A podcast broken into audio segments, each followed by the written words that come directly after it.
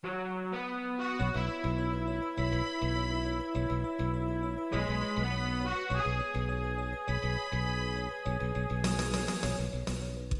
listening to Radio Free Asia.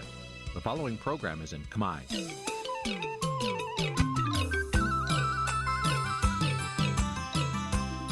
Nǐ chi càm bi tiệp xáy vệt chiu a zì sáy. នេះជាកម្មវិធីផ្សាយរបស់ Vithu Azisari ជាភាសាខ្មែរ វត្តឈូអាស៊ីសេរីសូមស្វាគមន៍លោកអ្នកនាងទាំងអស់ពីរដ្ឋធានី Washington នៃសហរដ្ឋអាមេរិក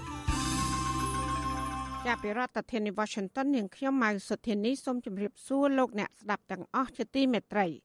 ចាយើងខ្ញុំសូមជូនការផ្សាយសម្រាប់ព្រឹកថ្ងៃពុទ្ធ3កើតខែអាសត់ឆ្នាំខាលចត្វាស័កពុទ្ធសករាជ2566ហើយដល់ត្រូវនឹងថ្ងៃទី28ខែកញ្ញាគ្រិស្តសករាជ2022 ជាដំបូងនេះសូមអញ្ជើញលោកអ្នកនាងកញ្ញាស្ដាប់ព័ត៌មានប្រចាំថ្ងៃដែលមានមេត្តាដូចតទៅ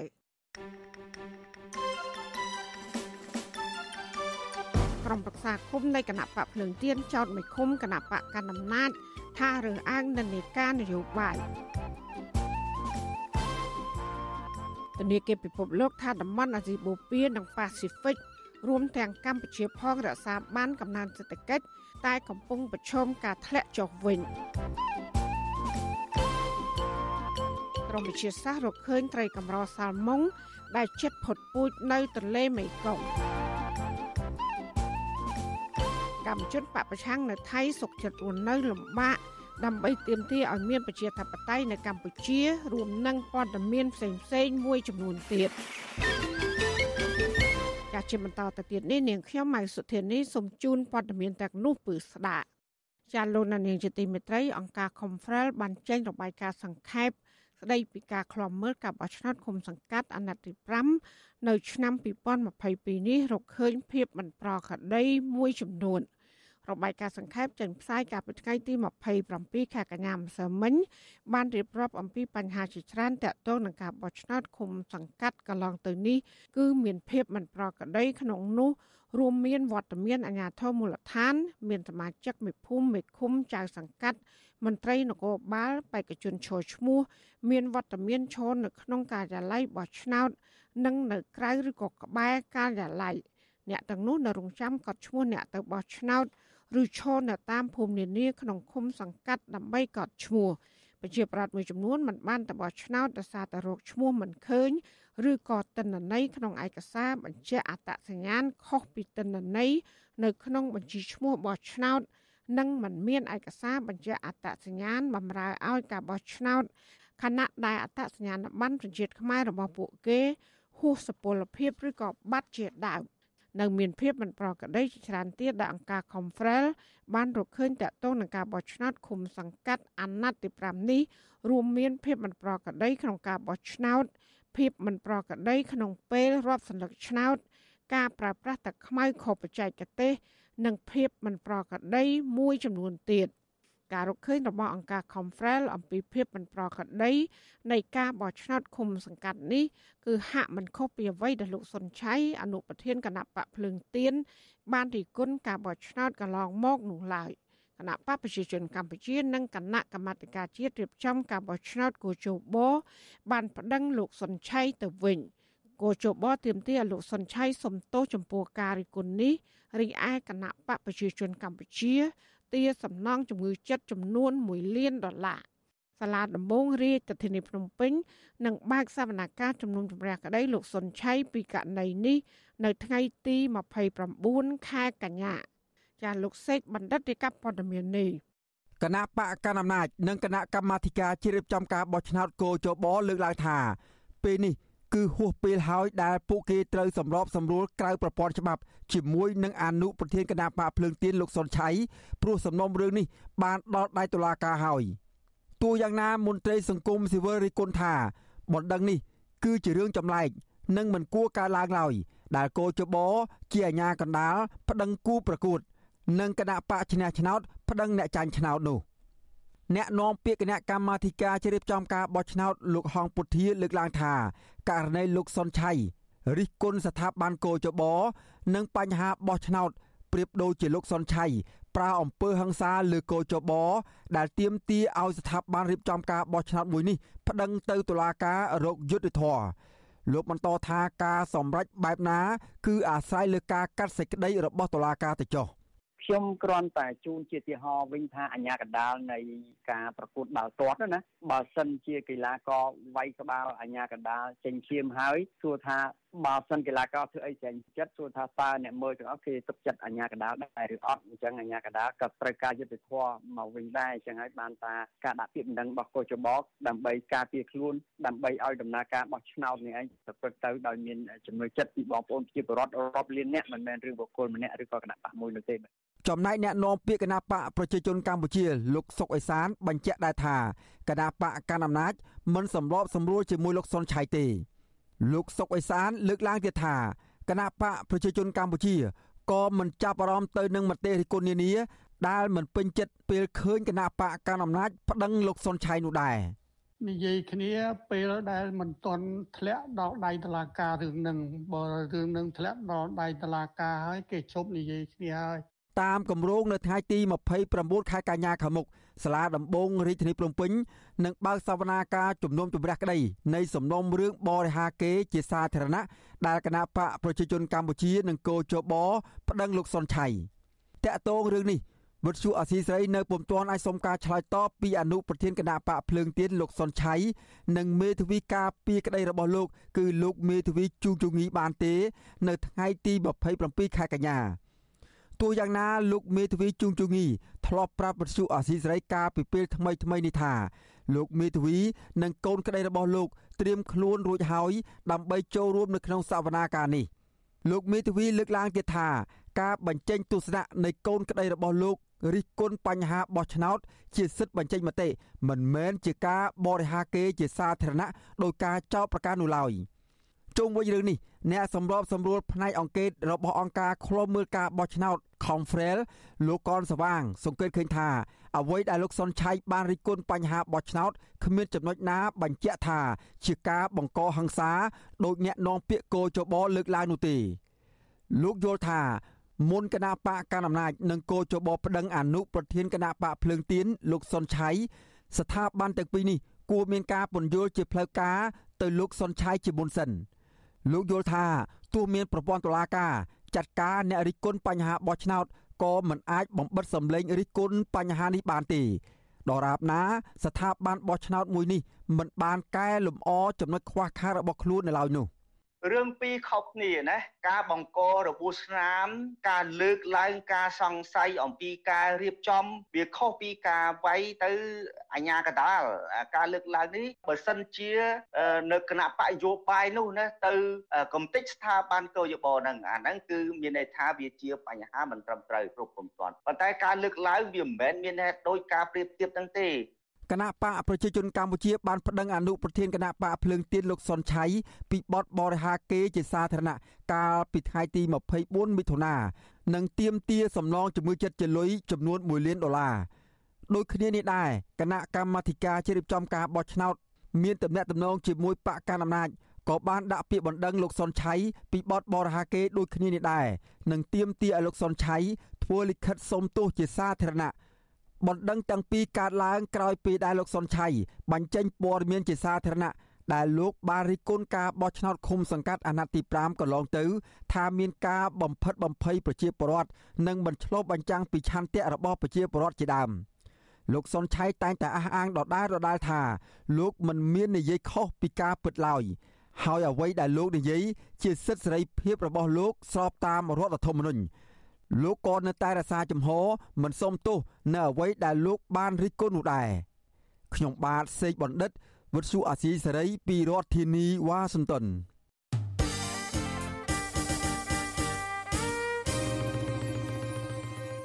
ចាលោកនានីជាទីមេត្រីក្រុមប្រឹក្សាឃុំមួយចំនួននៅខេត្តបាត់ដំបង មកពីគណៈបកភ្លើងទៀនចោតមន្ត្រីឃុំមកពីគណៈបកប្រជាជនកម្ពុជា ថាបានរារាំងពួកគេមិនឲ្យចូលរួមអភិវឌ្ឍឃុំ និងចោះជួបប្រជាប្រដ្ឋនោះឡើយ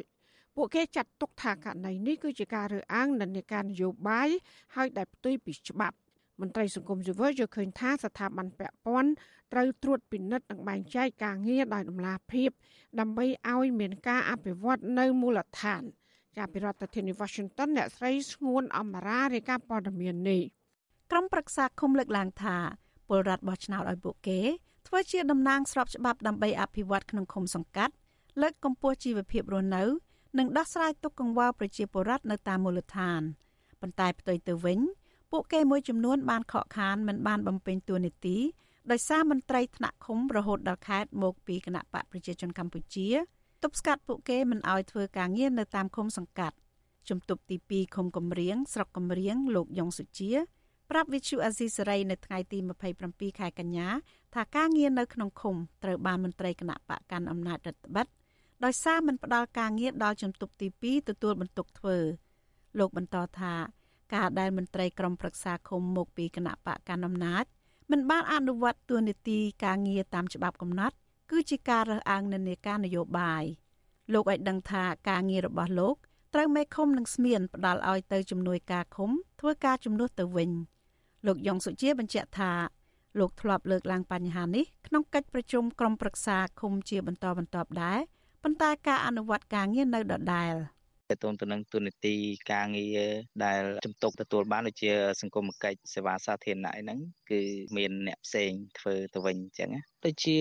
ជំនួយការឃុំអឺខ្ញុំយល់ឃើញថាវាមិនត្រូវទៅនឹងនីតិវិធីច្បាប់អានេះចូលគេថាតទៅទៅនឹងការមិនផ្ដល់តម្លៃទូនីតិការងារទៅនឹងអ្វីដែលច្បាប់បានចែងសម្រាប់ខ្លួនខ្ញុំផ្ទាល់ខ្ញុំគិតឃើញថាវាមិនសមដូចថាគេបិទការយល់ដឹងបិទព័ត៌មានដែលយើងត្រូវដឹងមិនឲ្យដឹងគេលើកដំកើងបពុនិយមតែរបស់គេ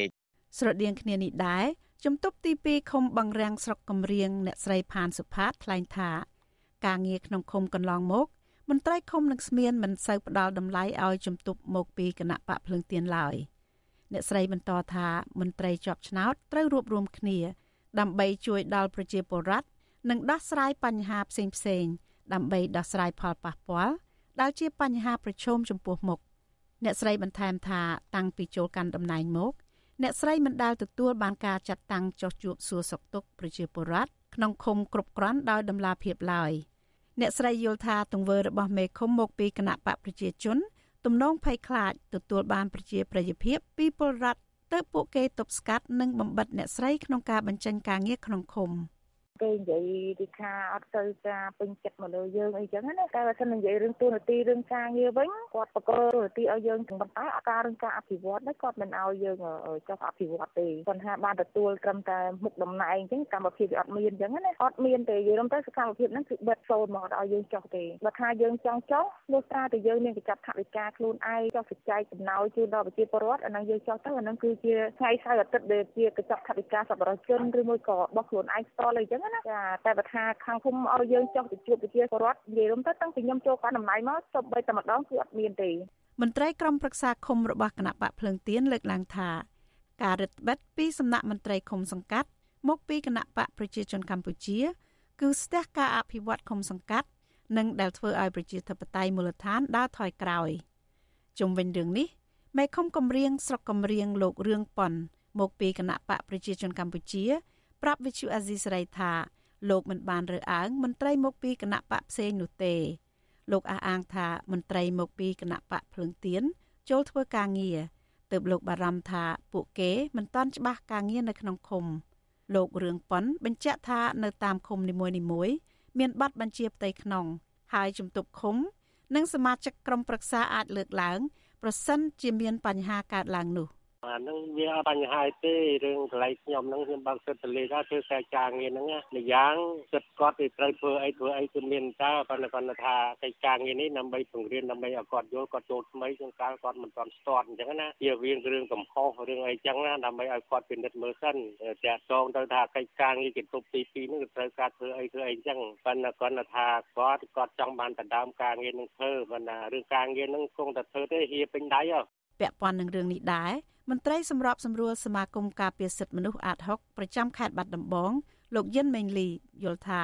មន្ត្រីជាប់ឆ្នោតនៅតាមឃុំសង្កាត់ត្រូវរួបរวมគ្នាអនុវត្តការងារដែលច្បាប់បានកំណត់ និងទទួលខុសត្រូវដោយមិនត្រូវប្រកាន់និន្នាការនយោបាយនោះទេ លោកបន្តថាការដែលមេឃុំមិនបានបែងចែកភារកិច្ចគឺជាការរំលោភអំណាចហើយមន្ត្រីគណៈបកភ្លើងទៀន អាចមានសិទ្ធិប្តឹងករណីទាំងនោះទៅកាន់ក្រសួងមហាផ្ទៃដើម្បីឲ្យមានចំណាត់ការតាមច្បាប់ បើតាមខ្ញុំយល់គាត់ប្រហែលជាបារម្ភមិនឲ្យគណៈបពប្រឆាំងនឹងចូលរួមនឹងឬក៏គាត់បកគលទូនទីតែមិនបកគលការងារគាត់បារម្ភពីប្រជាប្រិយភាពក្នុងឆ្នាំ2023ប្រហែលជាខ្លាចប្រជាប្រិយភាពនឹងជាងនេះតែនៅក្នុងសង្គមប្រជាធិបតេយ្យគឺយើងអត់អាចធ្វើចឹងបានទេបាទអញ្ចឹងខេត្តឬក៏ស្រុកត្រូវមានវិធានការចំពោះបញ្ហានេះជាបន្ទាន់ដើម្បីកុំឲ្យមានការរាំងស្ទះដល់ការអភិវឌ្ឍឃុំសង្កាត់កន្លងមកក្រោយពីការបោះឆ្នោតក្រុមប្រឹក្សាឃុំសង្កាត់ ថ្ងៃទី5ខែមិថុនាមន្ត្រីឃុំមកពីគណៈបកភ្លើងទៀនតែងតែលើកឡើងជាបន្តបន្ទាប់អំពីបញ្ហាមេឃុំ និងស្មានរើសអើងនិន្នាការនយោបាយដោយរំលោភលើឋានានុក្រម និងការបែងចែកការងារតាមច្បាប់កំណត់គណៈបកភ្លើងទៀនអះអាងថាក្រុមប្រឹក្សាឃុំសង្កាត់ របស់ពួកគេបានរងការរើសអើងផ្នែកនយោបាយជាបន្តបន្ទាប់សង្គមស៊ីវិលទទូចដល់រដ្ឋាភិបាល និងស្ថាប័នពាក់ព័ន្ធ ពិនិត្យនិងបែងចែកការងារដោយតម្លាភាពដើម្បីឲ្យពលរដ្ឋទទួលបាននូវការយកចិត្តទុកដាក់និងមានទំនុកចិត្តក្នុងការទទួលសេវារដ្ឋបាលនៅតាមឃុំសង្កាត់ នាងខ្ញុំស្ងួនអមរា Vithu Azisari ពីរដ្ឋធានី Washington លោកអ្នកនាងកញ្ញាកំពុងស្ដាប់ការផ្សាយរបស់ Vithu Azisari ផ្សាយចេញពីរដ្ឋធានី Washington សកម្មជនគណបកប្រឆាំងដែលកំពុងភៀសខ្លួននៅប្រទេសថៃ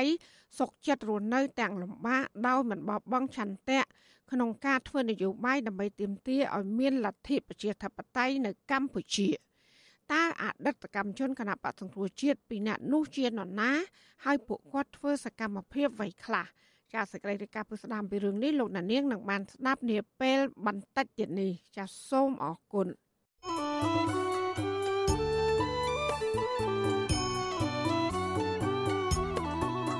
ចាលោកនាងជាទីមេត្រីក្រោយទៅពីការស្ដាប់ការផ្សាយរបស់វិទ្យុអសីស្រីតាមបណ្ដាញសង្គម Facebook និង YouTube លោកនាងកញ្ញាក៏អាចស្ដាប់ការផ្សាយរបស់យើង តាមរយៈរលក ធាតុអាកាសខ្លីឬ Short Wave ដូចតទៅចាប់ពីព្រឹកចាប់ពីម៉ោង5កន្លះដល់ម៉ោង6កន្លះគឺតាមរយៈរលកធាតុអាកាសខ្លី12140 kHz ស្មើនឹងកម្ពស់ 25m និង13715 kHz ស្មើនឹងកម្ពស់ 22ម៉ែត្រចាសម្រាប់ពេលយប់វិញគឺចាប់ពីម៉ោង7កន្លះដល់ម៉ោង8កន្លះគឺតាមរយៈរលកធារកាសខ្លី9960 kHz ស្មើនឹងកម្ពស់ 30ម៉ែត្រ12140 kHz ស្មើនឹងកម្ពស់ 25ម៉ែត្រហើយនឹង1 1885 kHz ស្មើនឹងកម្ពស់ 25m ចាសសូមអរគុណចាលោកនាងជាទីមេត្រីនៅអាខេត្តបរសៃហនុអនុវិញសមត្ថកិច្ចរហូតមកដល់ពេលនេះនៅមិនទាន់រកឃើញជនជាតិចិនចំនួន8នាក់ទៀតដែលបាត់ខ្លួនក្នុងហេតុការណ៍គ្រោះថ្នាក់លេខទូកចា មន្ត្រីសង្គមស៊ីវិលនិងឯកអគ្គរដ្ឋទូតអាមេរិកប្រចាំកម្ពុជាចាត់ទុកករណីនេះថាជាសោកនាដកម្មមួយទៀតសម្រាប់កម្ពុជាចាលោកទីនតាការីយ៉ារីកាព័ត៌មាននេះគិតមកត្រឹមថ្ងៃទី27កញ្ញាគឺមានរយៈពេលជិត1សប្តាហ៍ហើយដល់កម្លាំងអាជ្ញាធរមិនទាន់រកឃើញជនជាតិចិនដែលបាត់ខ្លួនមួយចំនួន ក្នុងចំណោម41នាក់ដែលបានធ្វើដំណើរឆ្លងដែនតាមផ្លូវសមុទ្រចូលមកកម្ពុជា ហើយលិចទូកនៅក្នុងដែនសមុទ្រនៅក្នុងខេត្តប្រសេះអនុស្នងការនគរបាលខេត្តប្រសេះអនុលោកជុននរិនប្រាប់វិទ្យុអាស៊ីសេរីនៅថ្ងៃទី27កញ្ញាថានៅមានជនជាតិចិនចំនួន8នាក់ទៀតដែលមកទល់ពេលនេះសមត្ថកិច្ចនៅមិនទាន់រកឃើញពួកគាត់នៅឡើយទេខណៈជនជាតិចិន9នាក់ទៀតលោកអះអាងថាត្រូវបានអាជ្ញាធរវៀតណាមជួយសង្គ្រោះកាលពីពេលថ្មីថ្មីនេះលោកបញ្ជាក់ទៀតថាជនជាតិចិនដែលសមត្ថកិច្ចបានជួយសង្គ្រោះចេញពីការលេចទុកថ្មីថ្មីនេះ អាជ្ញាធរធនជាតិកំពុងតែស្រាវជ្រាវដោយមិនទាន់បង្ហាញរបាយការណ៍ពិតប្រាកដថាយ៉ាងណានៅឡើយទេឥឡូវនេះនៅក្នុងសមុទ្រកម្ពុជាអញ្ចឹងការងារនេះគឺមនុស្សដែលស្រង់បាននេះស្ថិតនៅលើអាដាមសនីឯកទូពលៈប្រធាននគរបាលនយោបាយកព្រំដែនលើសមុទ្រការងារគ្រប់គ្រងមនុស្សសួរនាំអីនៅហ្នឹងណាបាទបើច្បាប់តើអ្វីបើសិនជាឡើងមកដល់លើដីគោកយើងពិនិត្យមើលអត់មានប៉ាសពតលិខិតឆ្នាំទេអាហ្នឹងខុសច្បាប់ហើយបាទនេះនៅក្នុងសមុទ្រតែឥឡូវនៅក្នុងដៃលោកប្រធានយុគឋានព្រំដែនទឹកណា មកទល់ពេលនេះក្នុងចំណោមជនជាតិចិន41នាក់នោះសមត្ថកិច្ចជួយសង្គ្រោះបានចំនួន21នាក់ក្នុងនោះមានស្ត្រីម្នាក់ចំណែកឯជនជាតិចិន3នាក់ទៀតបានស្លាប់ខក្នុងហេតុការណ៍លេខទូកនៅក្នុងសមុទ្រនៅខេត្តប្រសេះអនុនោះតែតទៅនឹងរឿងនេះឯអគ្គរដ្ឋទូតសហរដ្ឋអាមេរិកប្រចាំនៅកម្ពុជាលោក Patrick Murphy បានសរសេរនៅលើបណ្ដាញសង្គម Twitter របស់លោកកាលពីថ្ងៃទី25កញ្ញាថាលោកកំពុងតែមានវត្តមាននៅឯខេត្តប្រសេះអនុដើម្បីជួបដៃគូសហរដ្ឋអាមេរិក ហើយលោកកំពុងតែគិតអំពីសោកនាដកម្មជាច្រើនដែលកំពុងតែកើតមាននៅក្នុងខេត្តប្រសេះអនុនេះលោកលើកឡើងថាបញ្ហាសោកនាដកម្មទាំងនោះ មានដូចជាទុកធ្វើដំណើរគ្មានសុវត្ថិភាព ការជួញដូរមនុស្សការបោកប្រាស់និងមានអាគារកាស៊ីណូដែលគេបោះបង់ចោលជាដើមលោកបញ្ជាក់ថាករណីទាំងនេះត្រូវការមានផែនការនិងសកម្មភាពទូលំទូលាយ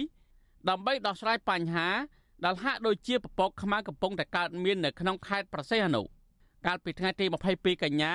ជនជាតិចិនសរុបចំនួន41នាក់បានធ្វើដំណើរតាមផ្លូវទឹកហើយលិចនៅក្នុងតំបន់ភូមិសាស្ត្រកោះតាងក្នុងខេត្តប្រសេះអនុជនជាតិចិនម្នាក់ឈ្មោះចេនស៊ីសេងដែលស្ថិតនៅក្នុងហេតុការណ៍នោះអះអាងប្រាប់សមត្ថកិច្ចថាទូកដែលលិចនៅក្នុងលំហសមុទ្រខេត្តប្រសេះអនុនេះបានចេញដំណើរពីកំពង់ផែខ្វាំងជ័យប្រទេសចិនតាមរយៈកប៉ាល់ធំមួយតាំងពីថ្ងៃទី11កញ្ញាពេលមកដល់ច្រកសមុទ្រអន្តរជាតិជនជាតិចិនទាំង41នាក់ ក៏ផ្លាស់មកធ្វើដំណើរតាមទូកឈើដោយរួមជាមួយតែកងជនជាតិខ្មែរ2នាក់ជនរងគ្រោះដដាលអះអាងថារហូតមកដល់ថ្ងៃទី22កញ្ញាស្រាប់តែមានទូកមួយផ្សេងទៀតមានគ្នា6នាក់មកទទួលអ្នកបើកទូក2នាក់ដែលរួមដំណើរជាមួយពួកគេហើយភ្លាមភ្លាមនោះទូកក៏បានលិចបន្តិចម្ដងបន្តិចម្ដងក្នុងលំហសមុទ្រនៅតំបន់ភូមិសាស្ត្រកោះតាងក្នុងខេត្តប្រសេះអនុទោះជាយ៉ាងណាជនរងគ្រោះជនជាតិចិនពីររូបដែលកំពុងសម្រាប់ព្យាបាលនៅមន្ទីរពេទ្យ ប្រាប់ទីភ្នាក់ងារព័ត៌មាន AFP ថាក្រោយពីទុកលិចពួកគាត់បានឃើញទូកនេសាទមួយក៏ឆ្លៃហៅគេជួយទូកនេសាទនោះក៏មកជួយស្រង់ពួកគាត់ចេញពីទឹកជនរងគ្រោះដែលសម្រាប់ព្យាបាលនៅក្នុងមន្ទីរពេទ្យដដាលនេះបានរៀបរាប់ពីមូលហេតុដែលលោកបានសម្រេចចិត្តមកកម្ពុជានេះដោយសារតែនៅប្រទេសចិនក្រោយពីមានវិបត្តិជំងឺ Covid-19 មកលោកបានបាត់បង់ការងារធ្វើហើយសម្រាកនៅផ្ទះប្រមាណជាមួយឆ្នាំមកហើយរីឯយុវតីមួយរូបទៀត ដែលសម្រាប់ព្យាបាលនៅមន្ទីរពេទ្យដែរនោះបានឲ្យដឹងថាថកែរបស់នាងបានណែនាំឲ្យមកធ្វើការនៅកម្ពុជានិងមានការងារធ្វើល្អតែនាងមិនបានដឹងថាត្រូវធ្វើដំណើរឆ្ងាយដូចនេះទេយុវតីរូបនេះបានរៀបរាប់អំពីការធ្វើដំណើរចេញពីប្រទេសចិនមកកម្ពុជាតាមផ្លូវទឹកនៅមុនពេលទឹកលិចនេះគឺបានតែប្រហែលថ្ងៃប៉ុណ្ណោះក៏អស់ស្បៀងសូម្បីតែទឹកក៏គ្មានផឹកដែរ从上船大概四天以后就没东西吃了， 然后到了第六七天吧，水也没。ក្រោយពីធ្វើដំណើរតាមទូកបាន4ថ្ងៃក៏អស់ស្បៀងហើយរយៈពេល6ទៅ7ថ្ងៃក្រោយមកអស់ទាំងទឹកផឹកថែមទៀតប្រហែលជា10ថ្ងៃក្រោយមកទើបទទួលបានម្ហូបខ្លះនិងទឹកបន្ទាប់មកយើងក៏ផ្លាស់ប្ដូរទូកជីដោយខ្ញុំមានកាបូប2មានមីតែគ្មានអាហារអ្វីផ្សេងទៀតទេជុំវិញនឹងរឿងនេះមន្ត្រីសង្គមស៊ីវិលលើកឡើងថាប្រសិនបើជនជាតិចិនដែលរងគ្រោះ ដោយសារលិចទូកនោះ ពិតជាត្រូវចាញ់បោកមេខ្យល់ឲ្យមកធ្វើការនៅកម្ពុជាពិតមែននោះ គឺជាបទពិសោធន៍មួយដល់ជនបរទេសផ្សេងទៀតឲ្យមានការប្រុងប្រយ័ត្នពីព្រោះជនបរទេសដែលឆ្លងដែនខុសច្បាប់អាចនឹងប្រថុយប្រឋានដល់អាយុជីវិតឬត្រូវសមត្ថកិច្ចកម្ពុជាបង្ក្រាបនៅពេលពួកគេចូលបម្រើការងារនៅក្នុងក្រុមហ៊ុនដ៏ខុសច្បាប់នៅកម្ពុជាអ្នកសម្របសម្រួលសមាគមការពារសិទ្ធិមនុស្សអាតហុកប្រចាំនៅខេត្តប្រសេះអនុ នៅស្រីជាបសុធារីសោកស្ដាយចំពោះជនជាតិចិនដែលជួបអបតវហេតុលេខទុកនៅដែនសមុទ្រកម្ពុជានៅស្រីយល់ថាជនជាតិចិនមួយចំនួនដែលបាត់ខ្លួនរហូតមកទល់ពេលនេះ ហាក់នៅមានមន្ទិលច្រើនការសោកស្ដាយហើយមានការណាត់ដល់ពួកគាត់យើងក៏អត់ទាន់បានទទួលដំណឹងជាបន្តទៀតថាអ្នកដែលយើងបានជួយសង្គ្រោះមកហ្នឹងខាងរដ្ឋបាលខេត្តសីនុលោកតាន់បានធ្វើការចែករំលែកនៅព័ត៌មានថាតើពួកគាត់ដែលយើងបានស្រង់មកហើយនៅមានជីវិតហ្នឹងតើពួកគាត់មកក្នុងគោលបំណងដើរកំសាន្តឬគាត់ត្រូវបានមេខ្យល់បោកបញ្ឆោតនាំមករកការងារធ្វើនៅខេត្តសីនុ នៅស្រីជាបសុធារីនៅតែបន្តជំរុញដល់អាជ្ញាធរឲ្យខិតខំប្រឹងប្រែងរកជនរងគ្រោះដែលបាត់ខ្លួនព្រមទាំងបង្ហាញព័ត៌មាននិងរបាយការណ៍នៃលទ្ធផលស៊ើបអង្កេតចុងក្រោយដល់ដំណាភាពនិងទូលាយដើម្បីឲ្យសាធារណជនបានដឹងខ្ញុំទីនសាការីយ៉ាអស៊ីសេរីប្រធានីវ៉ាស៊ីនតោនចាលោកនាងជាទីមេត្រីធនាគារពិភពលោកព្យាករថាតំបន់អាស៊ីបូព៌ានិងប៉ាស៊ីហ្វិករួមទាំងកម្ពុជាផងរក្សាបានកំណើនសេដ្ឋកិច្ច គ្រប់គ្រងអតិផរណាបានក៏ប៉ុន្តែនៅមានហានិភ័យមិនទាន់ចប់នៅឡើយទេធនាគារពិភពលោកលើកឡើងក្នុងរបាយការណ៍ដែលបានចេញផ្សាយកាលពីថ្ងៃទី26ខែកញ្ញាថាប្រទេសក្នុងតំបន់នេះភាគច្រើនបានងើបចេញពីការប៉ះទង្គិចដោយសារជំងឺគ្រុនក្បាល COVID-19 លើកលែងតែប្រទេសចិនក្នុងនោះកំណើនសេដ្ឋកិច្ចនៃបណ្ដាប្រទេសទាំងនោះ ជាមធ្យមអាចកើនដល់5.3%ក្នុងឆ្នាំ2022ចំណែកឯកម្ពុជាវិញអាចកើនដល់4.48%តែទោះយ៉ាងណាសកម្មភាពសេដ្ឋកិច្ចនៅទូទាំងតំបន់អាចចុះខ្សោយវិញដោយសារតែការធ្លាក់ចុះតម្រូវការសកល ការកើនឡើងបំណុលនិងការពឹងផ្អែកលើវិធានការអន្តរាគមសេដ្ឋកិច្ចរយៈពេលខ្លីទប់ស្កាត់ការឡើងថ្លៃម្ហូបអាហារនិងប្រេងឥន្ធនៈ ធនាគារពិភពលោកក៏បានបញ្ជាក់ថាកំណើនសេដ្ឋកិច្ចអាចសម្រេចបានគឺអាស្រ័យទៅសារការកម្រើកឡើងវិញ នៃតម្រូវការក្នុងស្រុកក្រោយបន្ធូរបន្ថយវិធានការជំងឺ Covid-19 និងការកើនឡើងនៃការនាំចេញទោះយ៉ាងណាតម្រូវការក្នុងស្រុកកំពុងធ្លាក់ចុះដោយសារតែការធ្លាក់ចុះសេដ្ឋកិច្ចពិភពលោកនៅទន្ទឹមនេះអតិផរណានៅបរទេសក៏បានរុញអត្រាការប្រាក់ឡើងដែរដែលជាហេតុ ធ្វើឲ្យមានការចេញមូលធន និងការធ្លាក់តម្លៃរូបិយប័ណ្ណនៅក្នុងប្រទេសអាស៊ីបូព៌ានិងប៉ាស៊ីហ្វិកមួយចំនួនសេដ្ឋកិច្ចវិទូជាន់ខ្ពស់ប្រចាំតំបន់អាស៊ីបូព៌ានិងប៉ាស៊ីហ្វិកនៃធនាគារពិភពលោកលោក Adisha Mathu ផ្ដល់អនុសាសន៍ដល់អ្នកធ្វើគោលនយោបាយក្នុងកលៈទេសៈដែលប្រឈមនឹងការធ្លាក់ចុះកម្ដៅសេដ្ឋកិច្ចថាគោលនយោបាយកាន់តែល្អសម្រាប់ស្បៀងអាហារប្រេងឥន្ធនៈនិងហិរញ្ញវត្ថុ នឹងជួយជំរុញកំណើនសេដ្ឋកិច្ចនិងការពារអតិផរណាបានទៀតផង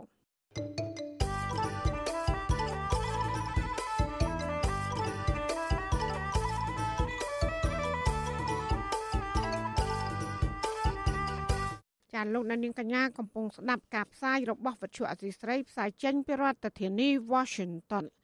ពាក់ព័ន្ធនឹងបញ្ហាលាងលុយកខ្វក់នៅកម្ពុជានេះមន្ត្រីសង្គមស៊ីវិលចង់ឃើញរដ្ឋាភិបាលបង្ហាញឆន្ទៈទប់ស្កាត់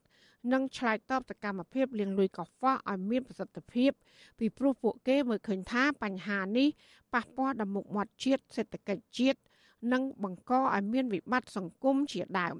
ចាសសូមស្ដាប់សេចក្តីរាយការណ៍មួយទៀតរបស់លោកទីនហ្សាការីយ៉ាជំវិញព័ត៌មាននេះ មន្ត្រីសង្គមស៊ីវិលជំរុញអរដ្ឋាភិបាលបង្ហាញឆន្ទៈពិតប្រាកដទៅអន្តរជាតិថាកម្ពុជាពិតជាមានបំណងក្នុងការអនុវត្តច្បាប់ និងទប់ស្កាត់បញ្ហាលាងលុយកខ្វក់ដើម្បីឲ្យកម្ពុជារួចផុតពីបញ្ជីប្រភេទនៅពេលខាងមុខប្រធានអង្គការសម្ព័ន្ធកេណនីយភាពសង្គមកម្ពុជាលោកសនជ័យលើកឡើងថាការដល់ស្ថាប័នអន្តរជាតិបានដាក់កម្ពុជាតាក់ទងនឹងបញ្ហាលាងលុយកខ្វក់និងបញ្ហាជួញដូរមនុស្សកន្លងមកនេះមិនមែនជារឿងល្អឡើយ លោកថាបញ្ហានេះគឺប៉ះពាល់ដល់មុខមាត់រដ្ឋាភិបាលលើឆាកអន្តរជាតិនិងបាត់បង់អ្នកវិនិយោគល្អៗដែលចូលមកបណ្ដាក់ទុននៅកម្ពុជាប្រសិនបើរដ្ឋាភិបាលយឺតយ៉ាវឆ្លើយតបទៅនឹងរបាយការណ៍ទាំងនោះឲ្យមានប្រសិទ្ធភាពនោះលោកមើលឃើញថាកន្លងមករដ្ឋាភិបាលចាត់វិធានការដោះស្រាយកម្រិតមន្ត្រីស្ថាប័នជំនាញដែរប៉ុន្តែប្រសិទ្ធភាពឬយ៉ាងណានោះលោកមិនអាចវាតម្លៃបានទេ អាស្រ័យលើការអនុវត្តនិងការឆ្លើយតបរបស់រដ្ឋាភិបាល ព្រមទាំងការត្រួតពិនិត្យពីស្ថាប័នជំនាញនៅក្រៅប្រទេស។ដរាបណាដែលមានការឆ្លើយតបយឺតឬមួយក៏វិធានការដែលអនុវត្តទៅมันមានប្រសិទ្ធភាពវាអាចធ្វើឲ្យទីមួយការមើលឃើញទៅលើមុខមាត់របស់កម្ពុជានៅលើឆាកអន្តរជាតិនោះមិនល្អហើយទីពីរវាអាចថានឹងប៉ះពាល់ទៅដល់ការវិនិយោគព្រោះយើងដឹងហើយអ្នកវិនិយោគត្រឹមត្រូវមកពីប្រទេសស្អាតស្អំគេមិនហ៊ានទេ ចំណែកឯអគ្គលេខាធិការសហព័ន្ធនិស្សិតបញ្ញវន្តកម្ពុជាលោកគិនពន្លកលើកឡើងថាស្ថាប័នអន្តរជាតិលើកឡើងពីការព្រួយបារម្ភនិងផ្ដល់អនុសាសន៍ក្នុងរបាយការណ៍របស់ខ្លួនប្រចាំឆ្នាំដោយជំរុញរដ្ឋាភិបាលកម្ពុជាកែសម្រួលច្បាប់មួយចំនួនរួមទាំងពង្រឹងការអនុវត្តឲ្យបានត្រឹមត្រូវដើម្បីកុំឲ្យកម្ពុជាស្ថិតនៅក្នុងបញ្ជីខ្មៅឬបញ្ជីប្រភេទនៃការលាងលុយកខ្វក់តែរហូតមកទល់ពេលនេះលោកសង្កេតឃើញថាប្រតិបត្តិការរបស់រដ្ឋាភិបាល ហាក់មិនទាន់បង្ហាញសញ្ញាវិជ្ជមានណាមួយ គួរឲ្យជឿទុកចិត្តបានឡើយទេលោកបញ្ជាក់ថាមូលហេតុដែលកម្ពុជាជាប់នៅក្នុងបញ្ជីប្រភេទនៃប្រទេសមានហានិភ័យខាងអំពើលាងលុយកខ្វក់ដោយសារតែការអនុវត្តច្បាប់ធូររលុងនិងការប្រព្រឹត្តអំពើពុករលួយចាក់ស្រេះនៅក្នុងសង្គមកម្ពុជាអង្គការសង្គមស៊ីវិលចង់ឃើញរដ្ឋាភិបាលមានឆន្ទៈមួយបាទដើម្បីបញ្ជាប្រទេសកម្ពុជាជាប្រទេសដែលលាងលុយកខ្វក់ពីបញ្ជីប្រភេទទៅបញ្ជីខ្មៅ បាទគឺរដ្ឋាភិបាលត្រូវតែអនុវត្តច្បាប់ឲ្យតឹងរឹងបាទលុបបំបត្តិអំពើពុករលួយបកពុនិយមគឺកុំឲ្យកើតមានហើយបង្ហាញប្រាប់អន្តរជាតិថាកម្ពុជាពិតជាមានឆន្ទៈពិតជាមានបំណងមួយ ក្នុងការដោះស្រាយបញ្ហាលាងលុយកខ្វក់កាលពីខែមីនាកន្លងទៅ អង្គការឃ្លាំមើលអំពើលាងលុយកខ្វក់ពិភពលោកឈ្មោះក្រុមការងារហិរញ្ញវត្ថុដែលមានមូលដ្ឋាននៅទីក្រុងប៉ារីសប្រទេសបារាំង បានបន្តដាក់កម្ពុជាក្នុងបញ្ជីប្រភេទនៃក្រុមប្រទេសមានហានិភ័យខាងអំពើលាងលុយកខ្វក់ដែលពិភពលោកត្រូវបង្កើនការតាមដានឆ្លើយតបនឹងរឿងនេះប្រធានអង្គភិបអ្នកនាំពាក្យរដ្ឋាភិបាលលោកផៃសិផានប្រាប់វិទ្យុអាស៊ីសេរីដោយអះអាងថាកម្ពុជាមិនមែនជាទីកន្លែងលាងលុយដោយការចោទប្រកាន់នោះទេលោកបញ្ជាក់ថាមូលហេតុដែលអង្គការឃ្លាំមើលអំពើលាងលុយកខ្វក់ដាក់កម្ពុជាចូលទៅក្នុងបញ្ជីប្រភេទកន្លងមកនោះ ដោយសារតែរដ្ឋាភិបាលមិនបានធ្វើបច្ចុប្បន្នភាពនៃច្បាប់មួយចំនួនឲ្យទាន់ច្បាប់អន្តរជាតិតែប៉ុណ្ណោះលោកឲ្យដឹងថារដ្ឋាភិបាលកំពុងតែបំពេញចំណុចចន្លោះប្រហោងនៃច្បាប់ដើម្បីដកខ្លួនចេញពីបញ្ជីប្រភេទនៃប្រទេសលាងលុយកខ្វក់បញ្ជីប្រភេទហ្នឹងមិនមែនតែកម្ពុជាម្នាក់ឯងទេគឺប្រទេសមួយចំនួនដែលអត់ទាន់ឆ្លើយតបទៅលើច្បាប់ទៅលើគោលការណ៍ទៅលើវិធានការនិងយន្តការនឹងការអនុវត្តនេះឯងមិនមែនបានសេចក្តីថាបា នធ្វើបានទទួលរងនៅអង្គើលៀងលុយនៃនៃការចាត់ប្រកាន់តាមវិធានការថ្មីនៃច្បាប់អន្តរជាតិនេះនៅឡើយទេបាទទោះជាយ៉ាងណាកាលពីថ្ងៃទី8កញ្ញារដ្ឋមន្ត្រីក្រសួងមហាផ្ទៃលោកសខេងថ្លែងថាបញ្ហាលៀងលុយកខ្វក់កំពុងតែជះឥទ្ធិពលមិនល្អដល់មុខមាត់កម្ពុជាលោកបន្តថាប្រសិនបើកម្ពុជាធ្លាក់ចូលទៅក្នុងបញ្ជីខ្មៅនៃប្រទេសលៀងលុយកខ្វក់នោះរដ្ឋនិងវិស័យឯកជននឹងជួបការលំបាក ដូច្នេះលោកអំពីលនីវដល់ក្រសួងស្ថាប័នពាក់ព័ន្ធត្រូវចូលរួមឲ្យបានខ្លាំងក្លាបន្ថែមទៀតដើម្បីដោះស្រាយបញ្ហាប្រឈមទាំងនេះឲ្យមានប្រសិទ្ធភាពអង្គការឃ្លាំមើលអំពើលាងលុយកខ្វក់ធ្លាប់ជំរុញដល់កម្ពុជាឲ្យបង្ហាញដល់អន្តរជាតិឲ្យឃើញពីការវិវត្តសំខាន់សំខាន់យ៉ាងឆាប់រហ័សក្នុងការបំពេញតាមផែនការសកម្មភាពដែលត្រូវកែលម្អឲ្យបានត្រឹមត្រូវអង្គការនេះប្រមានថាបើពុំដូច្នោះទេ គេនឹងពិចារណានៅជំហានបន្ទាប់ទៀតមកលើកម្ពុជាពាក់ព័ន្ធនឹងបញ្ហាអំពើលាងលុយកខ្វក់នេះបើតាមអង្គការនេះជំហានបន្ទាប់គឺសំដៅដល់ការអំពាវនាវដល់ប្រទេសជាសមាជិកនិងយុត្ថាធិការទាំងអស់នៅក្នុងពិភពលោកឲ្យបង្កើនការតាមដានត្រួតពិនិត្យលើរាល់ទំនាក់ទំនងនិងប្រតិបត្តិការអាជីវកម្មទាំងអស់ជាមួយកម្ពុជាខ្ញុំធីនសាការីយ៉ាអសិរ័យប្រធានីវ៉ាស៊ីនតោន ចាលោកនាងជាទីមេត្រីតកតងនឹងការប្រ rup ទិវាគ្រូបង្រៀនពិភពលោកវិញសាលារាជធានីភ្នំពេញចេញលិខិតអញ្ជើញសមាគមគ្រូបង្រៀនកម្ពុជាឯករាជ្យឲ្យចូលរួមប្រជុំជជែកពីគម្រោងដើរហែក្បួនអបអរសាទរទិវានេះប្រធានសមាគមគ្រូបង្រៀនកម្ពុជាឯករាជ្យថាពួកគេនឹងចូលរួមប្រជុំដើម្បីជំរុញសាលារាជធានីភ្នំពេញជួយសម្របសម្រួលឲ្យអ្នកចូលរួមអាចដើរហែក្បួនដោយតែពួកគេបានជូនដំណឹងជាមុន។ សាលារាជធានីភ្នំពេញអញ្ជើញថ្នាក់ដឹកនាំសមាគមគ្រូបង្រៀនកម្ពុជាឯករាជ្យចូលរួមក្នុងកិច្ចប្រជុំនៅថ្ងៃទី28ខែកញ្ញាខាងមុខដើម្បីពិភាក្សាអំពីការរៀបចំប្រពៃទិវាគ្រូបង្រៀនពិភពលោក ដែលក្រុងធ្វើនៅថ្ងៃទី5ខែតុលាខាងមុខសមាគមគ្រូបង្រៀនកម្ពុជាឯករាជ្យបានជូនដំណឹងទៅសាលារាជធានីភ្នំពេញ ពីគម្រោងដែលសមាគមក្រុងធ្វើការជួបជុំនិងដើរហែក្បួននៅទីតាំងសំខាន់សំខាន់មួយចំនួននៅរាជធានីភ្នំពេញដើម្បីជំរុញទៅរដ្ឋាភិបាលឲ្យគិតគូរពីការដំឡើងប្រាក់ខែគ្រូបង្រៀនប្រធានសមាគមគ្រូបង្រៀនកម្ពុជាឯករាជ្យអ្នកស្រីអុកឆៃយ៉ាវីឲ្យវិទ្យុអសីស្រីដឹងនៅថ្ងៃទី27ខែកញ្ញាថាអ្នកស្រីនិងក្រុមការងារនឹងចូលរួមក្នុងកិច្ចប្រជុំតាមការអញ្ជើញរបស់សាលារាជធានីភ្នំពេញ។ អ្នកស្រីឲ្យដឹងថាតាមគម្រោងការប្រពៃទិវាគ្រូបង្រៀនពិភពលោក នៅថ្ងៃទី5ខែតុលាខាងមុខសមាគមក្រុងជប់ជុំមនុស្សជាង150នាក់សម្ដែងមតិនិងមានការដើរហែកក្បួនទៅក្រសួងអប់រំ និងខុទ្ទកាល័យលោកនាយករដ្ឋមន្ត្រីហ៊ុនសែនជាដើមទោះយ៉ាងណាអ្នកស្រីមិនសូវមានជំនឿថាសាលារាជធានីភ្នំពេញនឹងបង្កភាពងាយស្រួលដល់ការជួបជុំនោះទេបាទអ្វីដែលការ យល់ឃើញរបស់ខ្ញុំមិនខុសពីរៀងរាល់ឆ្នាំទេសាលាក្រុងមិនដែលអនុញ្ញាតឲ្យសមាគមគ្រូបរិញ្ញាកម្ពុជាឯករាជ្យប្រមូលផ្ដុំ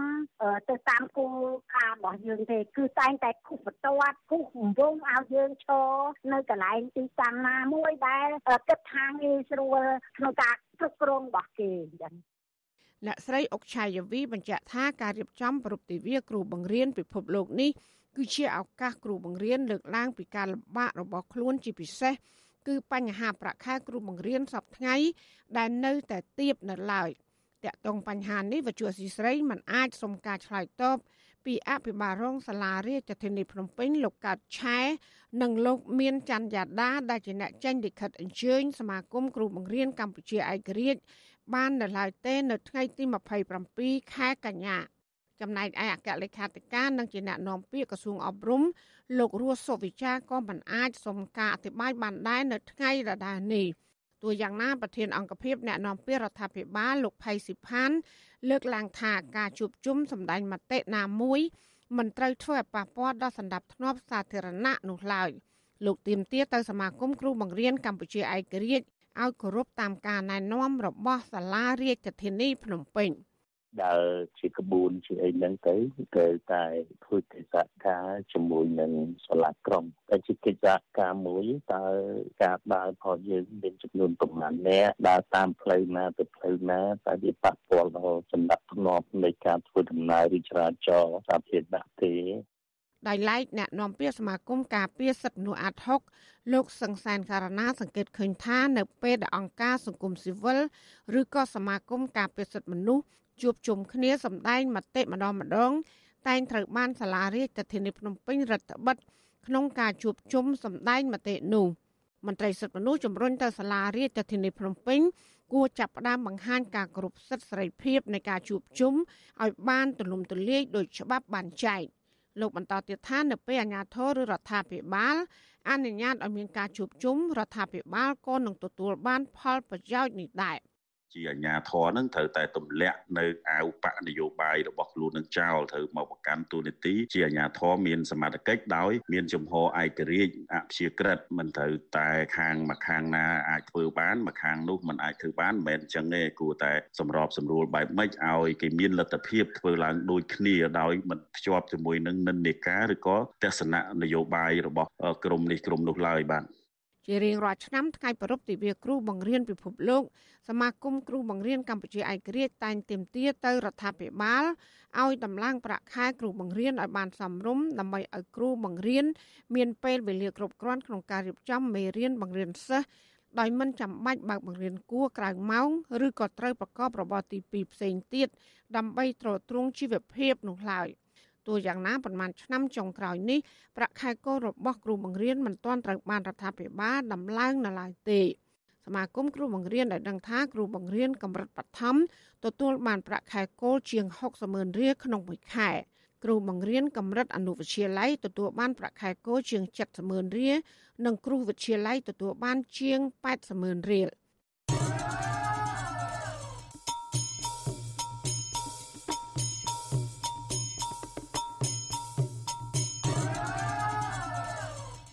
ចាលោកដានៀងជាទីមេត្រីចំនួនទឹកភ្លៀងបន្តគម្រាមកំហែងអាយុជីវិតប្រជាពលរដ្ឋនិងផលដំណាំផ្លូវថ្នល់នៅខេត្តកំពង់ធំនិងខេត្តមួយចំនួនទៀតព្រមទាំងបង្កផលប៉ះពាល់ដល់ជីវភាពប្រជាកសិកររាប់ពាន់គ្រួសារចាមនុស្សជាង10នាក់បានស្លាប់ហើយពលរដ្ឋរស់នៅតំបន់ទំនាបតាមបណ្ដោយដងស្ទឹងសែននិងស្ទឹងស្ទងបារម្ភថាត្រូវរាប់ពាន់ហិកតាដែលត្រៀមនឹងប្រមូលផលនឹងត្រូវខូចខាតអស់ប៉ះសិនបើទឹកមិនស្រក។ ចាសសេចក្តីរាយការណ៍ពុស្ដាមពីរឿងនេះលោកណានៀងក៏នឹងបានស្ដាប់នាពេលបន្តិចទៀតនេះចាសសូមអរគុណ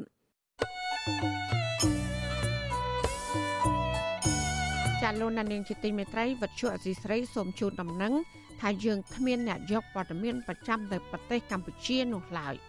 បើសិនជាមានជនណាម្នាក់អះអាងថាជាអ្នកយកព័ត៌មានឲ្យវិទ្យុអសីស្រីនៅកម្ពុជានោះ គឺជាការក្លែងបន្លំយកឈ្មោះរបស់វិទ្យុអសីស្រី ក្នុងគោលបំណងទុច្ចរិតរបស់បុគ្គលនោះចាសសូមអរគុណលោកនានីជាទីមេត្រីក្រុមអ្នកវិទ្យាសាស្ត្ររកឃើញត្រីកម្រសាល់ម៉ុងដែលជិតផុតពូជទម្ងន់ជាង13ផោនឬស្មើជិត6គីឡូក្រាម ដែលបានដាក់លក់នៅទីផ្សារតាមដងទន្លេមេគង្គកាលពីពេលថ្មីថ្មីនេះ។ សាស្ត្រាចារ្យស្រាវជ្រាវនឹងជីវវិទូត្រីនៅរ៉ូណូនៃសាកលវិទ្យាល័យ Nevada សហរដ្ឋអាមេរិកលោកសិបអូកិនដែលបានសិក្សាប្រភេទត្រីនៅទន្លេមេគង្គដែលជាគម្រោងអច្ឆរិយភាពមេគង្គរបស់ទីភ្នាក់ងារសហរដ្ឋអាមេរិកដើម្បីអភិវឌ្ឍ ហៅកាត់ថា USAID ឲ្យដឹងនៅថ្ងៃទី26ខែកញ្ញាថានេះគឺជាលើកទី1ហើយក្នុងរយៈពេល18ឆ្នាំកន្លងមកនេះដែលត្រីកម្រសាល់ម៉ុងត្រូវបានរកឃើញនៅទន្លេមេគង្គលោកបន្តថាត្រីកម្រនេះគឺពុំមានឈ្មោះជាភាសាខ្មែរនោះទេក៏ប៉ុន្តែត្រូវបានដាក់ឈ្មោះឲ្យថាខ្មោចត្រីមេគង្គដែលអាចធំលូតលាស់បានដល់ទៅ66ផោនឬស្មើ30គីឡូក្រាម ជីវវិទូត្រីនៃរដ្ឋបាលជលផលកម្ពុជាលោកច័ន្ទសុខេងក៏បានឲ្យដឹងដែរថាក្រោយពីការស្រាវជ្រាវអស់រយៈពេលជាង20ឆ្នាំមកនេះក្រុមអ្នកវិទ្យាសាស្ត្រសង្ឃឹមថាប្រភេទត្រីកម្រសាល់ម៉ុងនេះនឹងបន្តមាននៅក្នុងទន្លេមេគង្គ ការរកឃើញប្រភេទត្រីកម្រសាម៉ុងនេះគឺជាការរកឃើញចុងក្រោយនៅក្នុងទន្លេមេគង្គបន្ទាប់ពីអ្នកនេសាទនៅកម្ពុជាចាប់បានត្រីបបែលយក្សទឹកសាបធំជាងគេ បំបែកកំណត់ត្រាពិភពលោកដែលមានទម្ងន់300គីឡូក្រាមប្រវែងជិត4ម៉ែត្រនៅជិតកោះដាច់ស្រយាលមួយកាលពីថ្ងៃទី13ខែមិថុនាពួកគេបានដាក់ឈ្មោះត្រីបបែលយក្សនេះ ថាជាបូរមីដោយសារត្រីនេះត្រូវបានគេលែងចូលទៅក្នុងទន្លេមេគង្គវិញ នៅចំថ្ងៃពេញបូរមីទន្លេមេគង្គមានត្រីប្រមាណជា1000ប្រភេទដែលជាប្រភពដ៏ធនធានដ៏សំខាន់និងទ្រទ្រង់ជីវភាពរស់នៅរបស់ប្រជាប្រដ្ឋប្រមាណ70លាននាក់ដែលរស់នៅតាមអាងទន្លេមេគង្គក្រោមប៉ុន្តែក្រោយពីការសាងសង់ទំនប់វារីអគ្គិសនី ការប្រែប្រួលអាកាសធាតុនិងការនេសាទហួសហេតុ បណ្ដាលឲ្យមានហានិភ័យខ្ពស់ដល់ត្រីប្រភេទធំធំ និងការគំរាមកំហែងកាន់តែខ្លាំងចំពោះសហគមន៍នៅតាមដងទន្លេមេគង្គ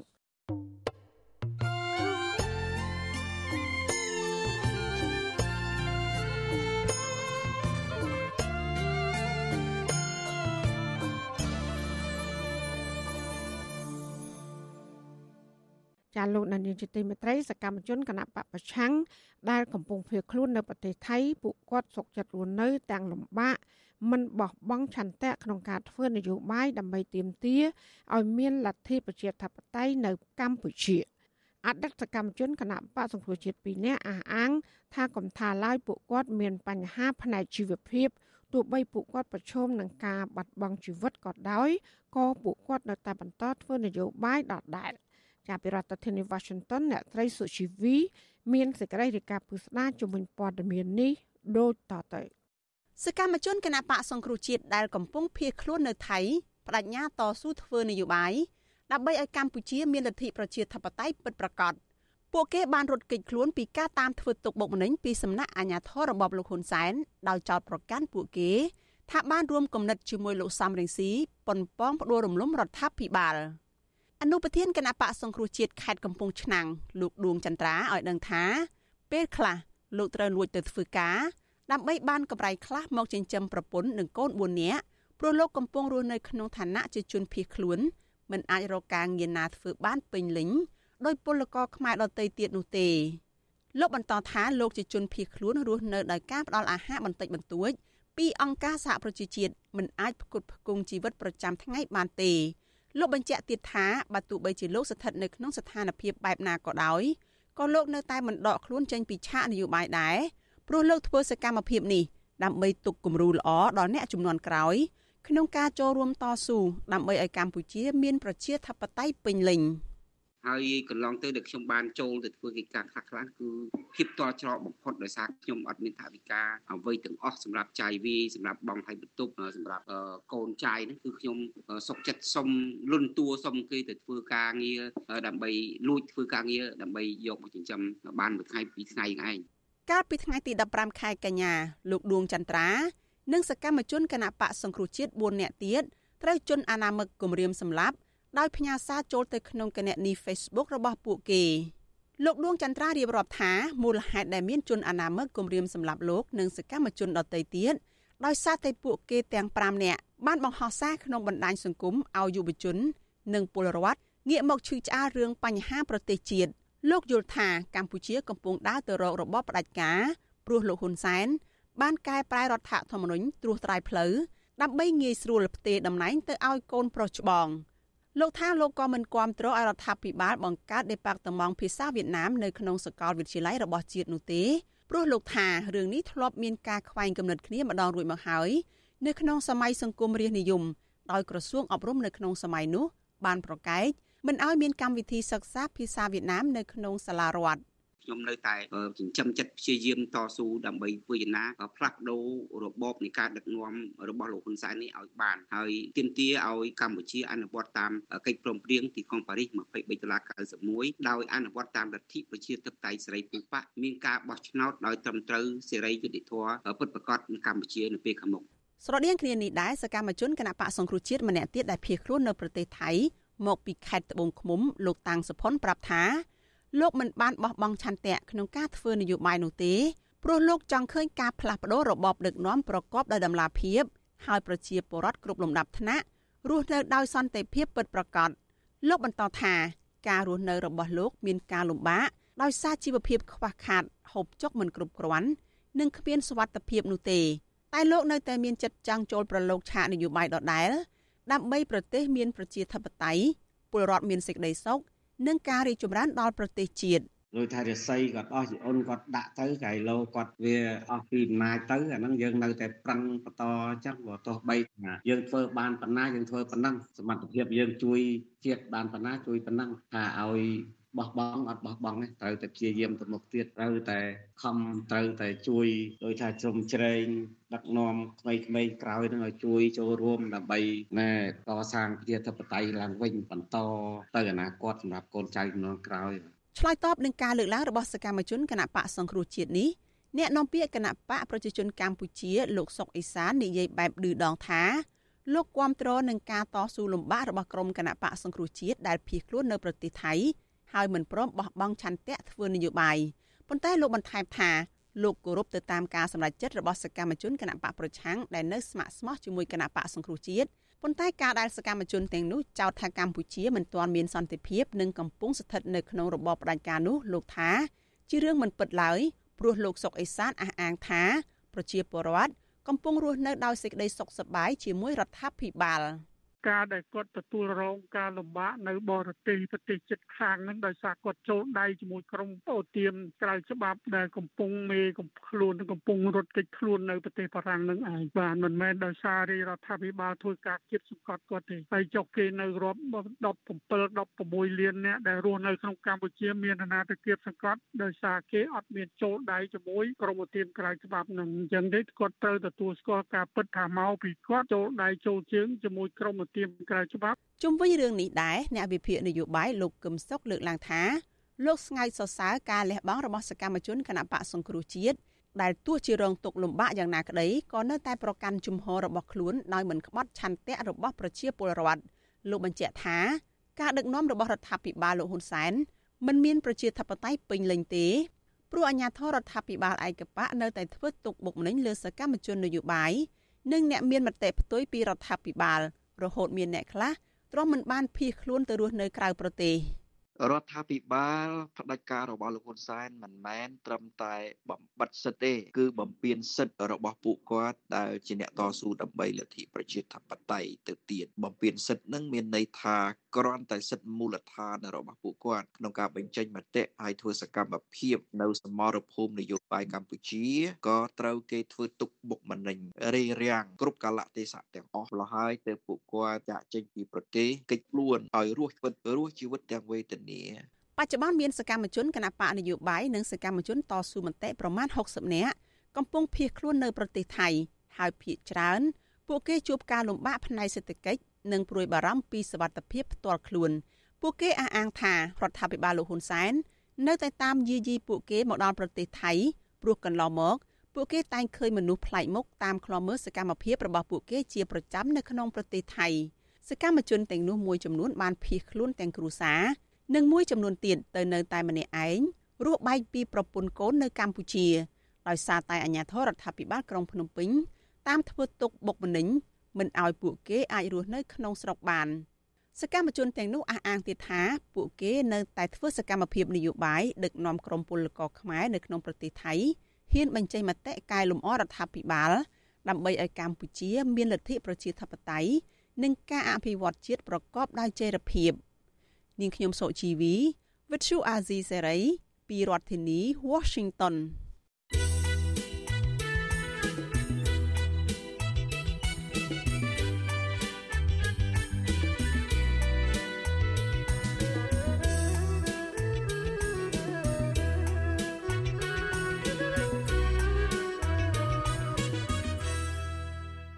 ចាលោកនានីជាទីមេត្រីចំនួនទឹកភ្លៀងបន្តគម្រាមកំហែងអាយុជីវិតប្រជាពលរដ្ឋ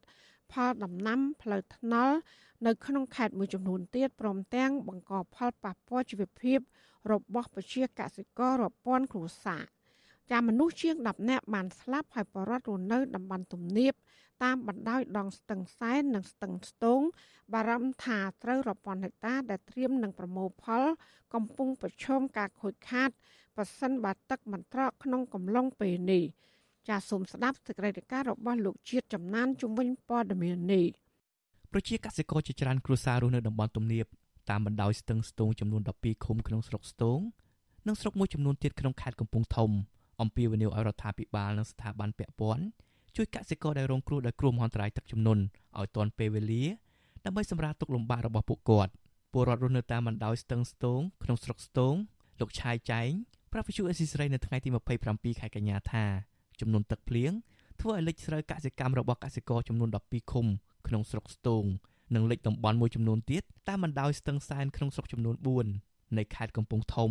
លោកថាចំពោះស្រូវកសិករភាគច្រើនដែលត្រៀមប្រមូលផលនិងកំពុងប្រឈមគ្រោះមហន្តរាយនេះប្រសិនបើទឹកមិនស្រកនោះទេស្រូវពង្រូសរបស់កសិករនឹងប្រឈមការខូចខាតហើយនឹងប៉ះពាល់សេដ្ឋកិច្ចរបស់ពួកគាត់លោកបញ្ជាក់ថាទឹកលិចស្រូវកសិករអស់រយៈពេល4ថ្ងៃមកហើយហើយមកដល់ពេលនេះទឹកមិនទាន់ស្រកនៅឡើយទេខណៈដែលទឹកភ្លៀងនៅតែបន្តធ្លាក់រាយប៉ាយនៅតាមតំបន់ខ្លះលោកបន្ថែមទៀតថាកសិករខ្លះបានដាំដំឡូងមីនិងដាំដំណាំហូបផ្លែមួយចំនួនទៀតក៏កំពុងប្រឈមការខាតបង់ដែរ បង្កការលំបាកច្រើនដូចជាផលកសិកម្មរបស់គាត់ត្រូវបានខូចខាតបំណុលរបស់គាត់គឺត្រូវបានកាន់តែកើនឡើងហើយបន្ទាប់ពីគាត់ត្រូវរួចផុតពីកូវីដមួយកលៈហ្នឹងមិនទាន់បានជារឹងដៃរឹងជើងប្រមាណទេឥឡូវគាត់មកជួបបញ្ហាគ្រោះទឹកជំនន់ទៀតអញ្ចឹងវាធ្វើឲ្យជីវភាពរបស់គាត់ហ្នឹងរឹតតែលំបាកទាំងការសងបំណុលធនាគារផងទាំងការរកស៊ីទទួលទាននិងដោះស្រាយជីវភាពក្នុងក្រុមគ្រួសារគាត់ផងហ្នឹងជាសិទ្ធិជាបញ្ហាបន្ទុកក្នុងក្រុមគ្រួសារគាត់បន្ថែមទៀតណា កសិកររូបនេះបន្ថែមថាគ្រោះមហន្តរាយនេះធ្វើឲ្យប៉ះពាល់ស្រូវកសិកម្មរបស់កសិករជាច្រើនពាន់ហិកតាដោយកសិករខ្លះធ្វើស្រូវពង្រួសនៅរដូវវស្សានិងខ្លះទៀតធ្វើស្រែប្រាំងដែលប្រើរយៈពេលចាប់ពី2ខែទៅ3ខែទៅប្រមូលផលម្ដងលោកសង្កេតឃើញថាអាញាធរពពាន់ខ្លះបានចុះអន្តរាគមជួយសង្គ្រោះពលរដ្ឋដែរប៉ុន្តែមិនគ្រប់ជ្រុងជ្រោយនៅឡើយទេចំណែកនៅឯខេត្តព្រះវិហារឯនោះវិញពលរដ្ឋក្រីក្រជាច្រើនគ្រួសារដែលរស់នៅក្នុងក្រុងព្រះវិហារ រងគ្រោះដោយសារតែទឹកចំនួនទឹកភ្លៀងលិចផ្ទះសម្បែងពួកគេជាច្រើនថ្ងៃមកហើយពលរដ្ឋត្អូញត្អែថាចំនួនទឹកភ្លៀងឆ្នាំនេះហក់ឡើងលឿនបូកផ្សំនឹងអាងទំនប់ទឹករក្សា ស្ថិតនៅដងស្ទឹងសែនត្រូវគេបិទគប់សាឡបងបណ្ដាលឲ្យទឹកច្រាលឡើងលឿនលិចផ្នែកខ្លះនៅតំបន់ទំនាបនាយកអង្គការពន្លកខ្មែរលោកពឹកសុភ័ណ្ឌមានប្រសាសន៍ថាការបិទគប់ទឹកសាឡបងនៅអាងទំនប់ទឹករក្សាក្នុងស្ទឹងសែនអាចនឹងគម្រាមកំហែងដល់ផ្ទះសម្បែងពលរដ្ឋមួយចំនួន ដែលរស់នៅតំបន់ទំនាបក្នុងស្រុកជ័យសែនស្រុកឆែបស្រុករវៀងនិងក្រុងព្រះវិហារបូករួមទាំងចំនួនទឹកភ្លៀងផងលោកថាអាញាធរបានប្រកាសបិទទំនប់សាកល្បងនេះនៅរយៈពេលប្រមាណមួយសប្តាហ៍ចុងក្រោយនេះមែនតើការលិចទឹកនេះវាមិនសំដៅតែទៅលើទឹកភ្លៀងឬក៏ទឹកជំនន់តែម្យ៉ាងទេណាវាមើលទៅវាមានឥទ្ធិពលច្រើនអំពីការទប់ទំនប់ទឹករបស់ចិននៅគេហៅទំនប់ រក្សាវិសុអស៊ីសេរីមិនអាចតាក់ទងអភិបាលខេត្តកំពង់ធំលោកងួនរតនាដើម្បីសុំការបំភ្លឺជំវិញគ្រោះមហន្តរាយនេះបាននៅឡើយទេនៅថ្ងៃទី27ខែកញ្ញាដោយទូរស័ព្ទហៅចូលជាច្រើនដងតែគ្មានអ្នកលើកចំណែកអ្នកនាំពាក្យគណៈកម្មាធិការជាតិគ្រប់គ្រងគ្រោះមហន្តរាយលោកខុនសុខាក៏មិនអាចសុំការបំភ្លឺបានដែរនៅថ្ងៃដដែលនេះប៉ុន្តែរដ្ឋបាលខេត្តកំពង់ធំបានបង្ហោះសារតាមទំព័រ Facebook ថាអ ភិបាលខេត្តកំពង់ធំលោកងូរតនៈអំពាវនាវឲ្យអាជ្ញាធរមូលដ្ឋានបង្កើនការយកចិត្តទុកដាក់ជួយដល់ពលរដ្ឋដែលកំពុងរងគ្រោះដោយចំនួនទឹកភ្លៀងអភិបាលខេត្តរូបនេះក៏បានចុះត្រួតពិនិត្យស្ថានភាពទឹកភ្លៀងដែលកំពុងលិចលង់យ៉ាងគំហុកនៅផ្នែកខ្លះនៃស្ទឹងស្ទងក្នុងស្រុកស្ទងខេត្តកំពង់ធំ កាលពីសប្តាហ៍មុនរីឯប្រធានមន្ត្រីសាធារណការខេត្តកំពង់ធំកាលពីថ្ងៃទី25ខែកញ្ញាបានជូនដំណឹងពីការផ្អាកចរាចរណ៍រថយន្តដឹកទំនិញធុនធ្ងន់គ្រប់ប្រភេទ លើកំណត់ផ្លូវក្នុងខេត្តកំពង់ធំជាបណ្ដោះអាសន្នដោយសារតែចំនួនទឹកភ្លៀងបានគម្រាមកំហែងផ្លូវថ្នល់មួយចំនួនស្ថិតក្នុងខេត្តនេះរីឯក្រសួងធនធានទឹកបានជូនដំណឹងពីការវិវត្តជាក់ស្ដែងជាបន្តបន្ទាប់ពីស្ថានភាពអាកាសធាតុចាប់ពីថ្ងៃទី27ដល់ថ្ងៃទី30ខែកញ្ញានៅភាគពាយ័ព្យភាគខាងជើងភាគឦសានតំបន់មាត់សមុទ្រនិងភាគខាងលិចនឹងអាចមានភ្លៀងធ្លាក់ក្នុងកម្រិតពីបង្គួរទៅច្រើន បូកផ្សំនឹងបរិមាណទឹកភ្លៀងដែលហូរមកពីប្រទេសថៃបន្ថែមទៀតបង្កឲ្យកើតមានចំនួនទឹកភ្លៀងក្រសួងបញ្ជាក់ថាកម្លាំងស្រូបនៃអត្តពលព្យុះទី16ឈ្មោះណូរ៉ូនឹងធ្វើឲ្យប្រព័ន្ធសម្ពាធទាបអូសបន្លាយលើភាគខាងជើងកម្ពុជា បានចុះថមថយអត្តពលជាលំដាប់ហើយហើយខ្យល់មូសុងនីតិរដីនឹងបង្កើតលបឿនបក់នៅក្នុងកម្រិតពីបង្គួរទៅខ្លាំងដែលអាចធ្វើឲ្យមានភ្លៀងធ្លាក់ក្នុងកម្រិតពីបង្គួរទៅច្រើនប្រឈមនឹងចំនួនទឹកភ្លៀងមន្ត្រីសង្គមស៊ីវិលមើលឃើញថា គណៈកម្មាធិការគ្រប់គ្រងគ្រោះមហន្តរាយថ្នាក់មូលដ្ឋាននិងថ្នាក់ជាតិមានតួនាទីសំខាន់ក្នុងការសម្រាលទុក្ខលំបាករបស់កសិករដែលត្រូវរកទីទួលសុវត្ថិភាពត្រៀមបំរុងស្បៀងអាហារនិងសម្ភារៈប្រើប្រាស់ចាំបាច់ដើម្បីជួយសង្គ្រោះពលរដ្ឋជុំវិញរឿងនេះប្រធានសមាគមសម្ព័ន្ធកសិករកម្ពុជាលោកថេងសាវឿនយល់ថាស្ថានភាពផ្ដល់ជំនួយសង្គមជារឿងចាំបាច់តែរដ្ឋាភិបាលនិងគណៈកម្មការគ្រប់គ្រងគ្រោះមហន្តរាយត្រូវត្រៀមទុនបម្រុងជួយកសិករនៅពេលដែលទឹកស្រកដូចជាគ្រាប់ពូជ ជីដំណាំ និងពូជសត្វចិញ្ចឹមជាដើម ជាពិសេសអន្តរាគមន៍ទៅលើស្ថាប័នផ្ដល់ប្រាក់កម្ចីឲ្យពន្យាពេលសងប្រាក់ត្រឡប់ក្នុងពេលដែលពួកគេកំពុងជួបបញ្ហានេះលោកបញ្ជាក់ថាការផ្ដល់ជំនួយសង្គមនេះរដ្ឋាភិបាលត្រូវតែធ្វើឡើងដោយគ្មានការរើសអើងនិន្នាការនយោបាយអំឡុងក្រោយការទឹកស្រកទៅវិញគឺការស្ដារឡើងវិញនៅជីវភាពរស់នៅរបស់បងប្អូនប្រជាពលរដ្ឋអាជ្ញាធរទៅត្រៀមលក្ខណៈសម្បត្តិក្នុងការផ្ដល់នៅគ្រាប់ពូជ និងសម្ភារៈកសិកម្មផ្សេងផ្សេងទៀតមានដូចជាជីឬក៏គ្រាប់ផលដំណាំហើយនឹងការឧបត្ថម្ភទុនក្នុងការចិញ្ចឹមឬក៏ការប្រកបមុខរបរអីផ្សេងផ្សេងដល់ប្រជាពលរដ្ឋហើយរដូវវស្សាឆ្នាំ2022មានទឹកភ្លៀងធ្លាក់ច្រើនធ្វើឲ្យខេត្តមួយចំនួន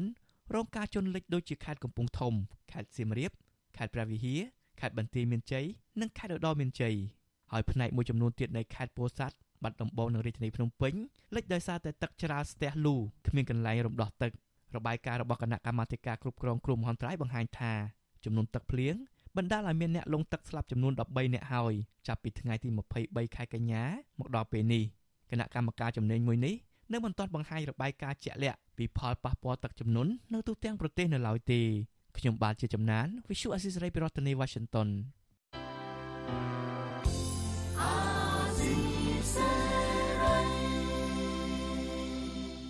ចាលោកនាងកញ្ញាជាទីមេត្រីកັບផ្សាយរយៈពេល1ម៉ោងរបស់វិទ្យុអសីស្រីជាភាសាខ្មែរនៅពេលនេះចាប់តែប៉ុណ្ណេះយើងខ្ញុំសូមជូនពរលោកនាងព្រមទាំងក្រុមគ្រួសារទាំងអស់សូមជួបប្រកបតែនឹងសេចក្តីសុខសេចក្តីចម្រើនកុំបីឃ្លៀងឃ្លាតឡើយចានាងខ្ញុំម៉ៃសុធានីព្រមទាំងក្រុមការងារទាំងអស់នៃវិទ្យុអសីស្រីសូមអរគុណនិងសូមជម្រាបលា